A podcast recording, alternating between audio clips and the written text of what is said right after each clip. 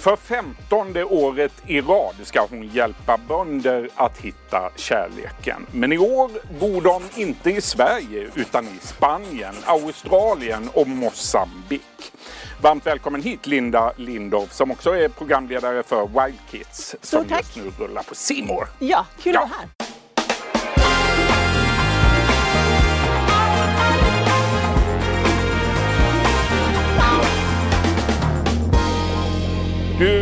3 mars, då är det premiär för Bonde söker fru jorden runt. Vad kan vi förvänta oss av den här säsongen? Ja, det är ju tveklöst den hetaste säsongen någonsin. Mm. I dubbel bemärkelse. Eh, vi har ju inspelningsplatser som är eh, på riktigt väldigt heta. Mm. Eh, över 40 grader varmt har det varit både i Australien och i Mosambik. Men utöver det så har vi fått så förvånansvärt mycket känslor ska jag vilja säga. Mer än vad vi brukar se. Ja, därför att jag tror att det blir en skillnad när man tänker sig ett liv utomlands. Det blir en än större utmaning. Eh, och innan man föreställer sig det livet och ger sig i kast med den typen av kärlek så måste man ha ställt in sig på att det här är på riktigt. Och när jag tar steget ut i världen för att söka min kärlek så måste jag vara förberedd.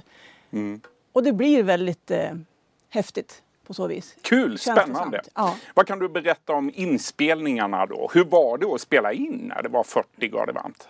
Ja, nej men jag är ju rätt van att, att resa runt i, i heta länder på det viset och spela in djurprogram och sådana där saker. Men det här är ju någonting annat. Vi är ju, eh, vi är ju med bönder och bönder jobbar ju på ett speciellt vis, man säga, hela tiden.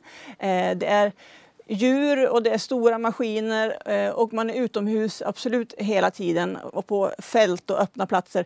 Så det blir ju påfrestande på så vis. Vi hade faktiskt ett par eh, missöden, bland annat en fotograf som eh, blev så pass uttorkad att han inte kunde jobba. Han blev sängliggandes och kräktes en, en hel dag. Därför att man hinner inte få i sig allt det man behöver i form av vätska och så. Ehm, så sådana saker har vi fått ta, men vi har anpassat oss, haft stora pauser mitt på dagen när det varit som hetast, så man får gömma sig i skuggan och, och så arbeta vidare. Vilket bönderna förstås har sagt, va? Vi jobbar ju hela tiden. Men, eh, men för, också för att man ska orka med och hinna känna efter och hinna tänka på det här med kärlek och känslor också.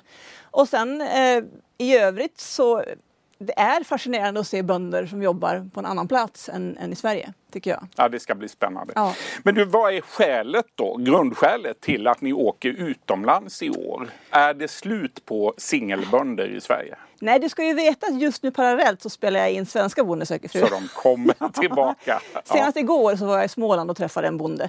Så vi- har ju den, eh, nu har, har vi den utländska varianten som är en, en spin-off kan man väl säga på originalet eh, där vi följer svenska bönder i utlandet. Medan vi också då såklart har kvar Bonde söker fru i Sverige.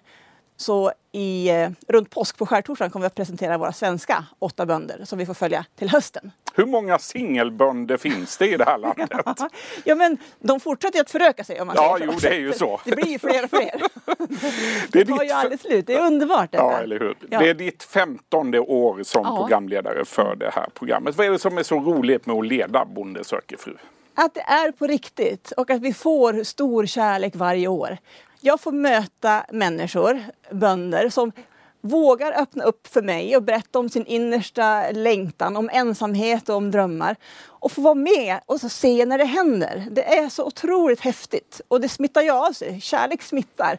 Och att, att få se en person förändras totalt och blomma ut och bli det här som man blir när man blir kär. Det finns inget liknande. Det finns Nej. inget bättre. Är det någon av alla dessa bönder som du har mött som du ångrar i efterhand att ni tog med i Åh programmet? herregud, nej. Nej. nej. Nej, vad ska den personen ha gjort för hemskt, tänker jag. Har du Nej. kommit bra överens med alla bönder? Ja, det gör man ju. Alltså, det, är ju ehm, det här är ju ett snällt program, ett program som vill väl. Eh, det är ju ett underhållningsprogram förvisso, men, men det känns också som att vi alla bryr oss så mycket mer och vi vet också att, att om det inte blir och om det inte funkar så skulle säkerligen programmet inte ha lika stor framgång och succé som det har nu. Så att vi är väldigt måna om att hantera allting med försiktighet och respekt. Ehm, Ja, det är ett väldigt fint program att jobba med. Vilka är dina mest minnesvärda ögonblick då under alla de här 15 åren? Jag läste på ditt Instagramkonto igår att du stämplades av en häst för två år sedan och att mjukvävnaden i foten eh, fortfarande är förstörd. Ja, när jag duschar så eh, Det är kanske inte det mest minnesvärda. av hästskon och eh, ja, den, blir- den skiftar färg när den blir kall, foten. Ja. Men, eh, jo, men det är klart att sådana saker har hänt. Jag har blivit biten och klampad på och puttad av djur och sådana där saker. Men, men det mest minnesvärda är såklart känslorna. När eh, Micke och Marita gifter sig till exempel eller när Petra och Sebastian träffas första gången. Petra vågade inte komma in på speeddaten för att hon kände att det var för jobbigt med alla kameror och sånt så hon vände. Sebastian kan aldrig glömma henne någonsin. Han bjuder in fyra tjejer på gården men fortsätter tänka på Petra. Och vi tänjer på gränser och bryter formatets regler för att de två ska få träffas. Och idag så är de gifta och har barn. Ja, det är häftigt. Ja men sådana saker. Hur många bondebarn finns det? 17! 17 barn! Och det fortsätter att komma. Herregud. Ja, men Olle Pallars och hans tjej är ju nu också gravid och ska ha sitt andra barn till sommaren. Och, Jag menar alla dessa Mm. Kan du namnen på alla bebisar 17 som- bebisar?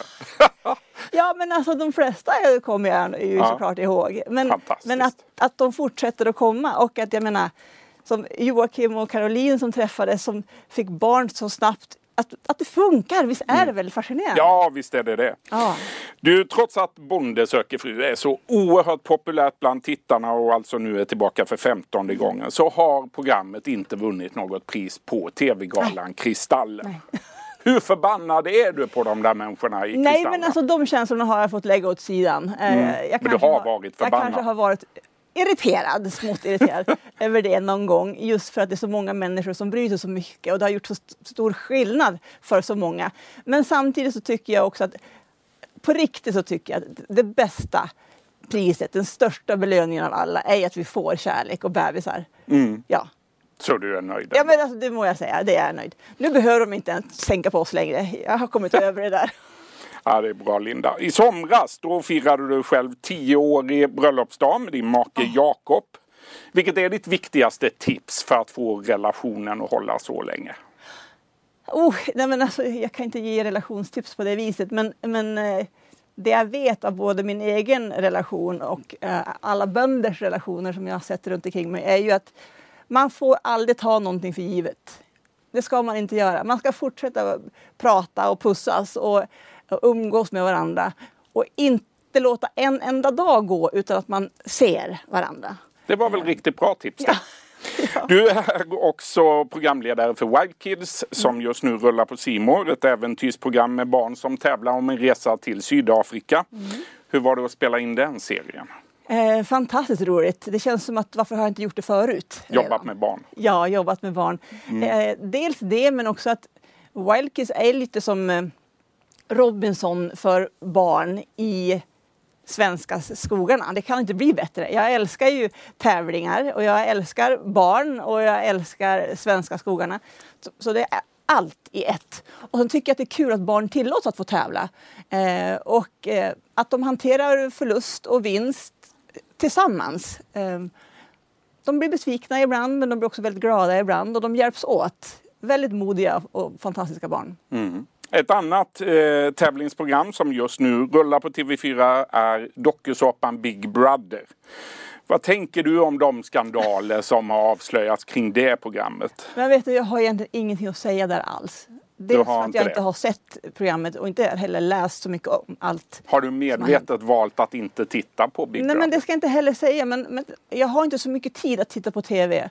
Och då finns det andra saker som jag har föredragit eller, eller prioriterat i det här fallet. Mm. Men Dina... om Big Brother kan jag säga en sak. Ja. Jag tycker att eh, idén i sig är ganska spännande. Mm. Ursprungsidén. Ursprungsidén. Ja, att man låser in folk på en plats Vad är det som är och ser hur de med det? hanterar det, här tillsammans. Men allt handlar om relationer och hur man, hur, hur man är människa och medmänniska och ja, hur man hanterar nya bekantskaper. Mm. Det är fascinerande att se Det är hur relationer utvecklar sig och hur Verkligen. vissa trivs med varandra och andra inte.